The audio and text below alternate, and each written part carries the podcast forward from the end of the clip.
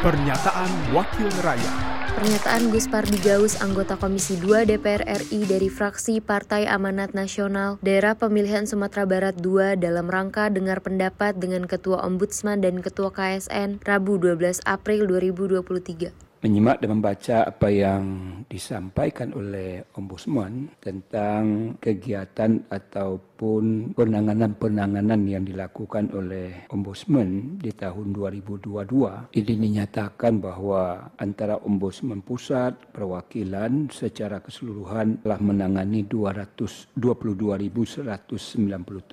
dengan berbagai varian. Ada yang laporan dari masyarakat 6.767, kemudian non laporan 11.400, respon cepat 1.437, investigasi dan seterusnya. Dari laporan yang disampaikan ini, saya tidak mendapatkan goal daripada penanganan yang dilakukan oleh ombudsman itu apa. Harusnya ada substansi daripada menangani 22 ribu. Namanya besar 22 ribu. Kemudian ada lagi namanya bentuk daripada reaksi cepat yang jumlahnya itu dikatakan 1437. Dari beberapa hal yang diungkapkan tadi namanya adalah penanganan dengan berbagai bentuk kegiatan apakah laporan masyarakat, respon cepat dan lain sebagainya itu. Yang paling penting itu dilaporkan sebetulnya bukan itu. Outcome-nya itu apa, goalnya itu apa, manfaatnya itu bagaimana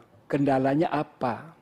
Itu yang disampaikan sehingga kami bisa memberikan kontribusi dan juga Bapak bisa menyampaikan kepada kami Kira-kira persoalan yang Bapak hadapi itu terhadap ombudsman ini apa? Pernyataan Gus Pardigaus, anggota Komisi 2 DPR RI dari fraksi Partai Amanat Nasional Daerah Pemilihan Sumatera Barat II, Produksi TV dan Radio Parlemen, Biro Pemberitaan Parlemen Sekjen DPR RI. Pernyataan Wakil Rakyat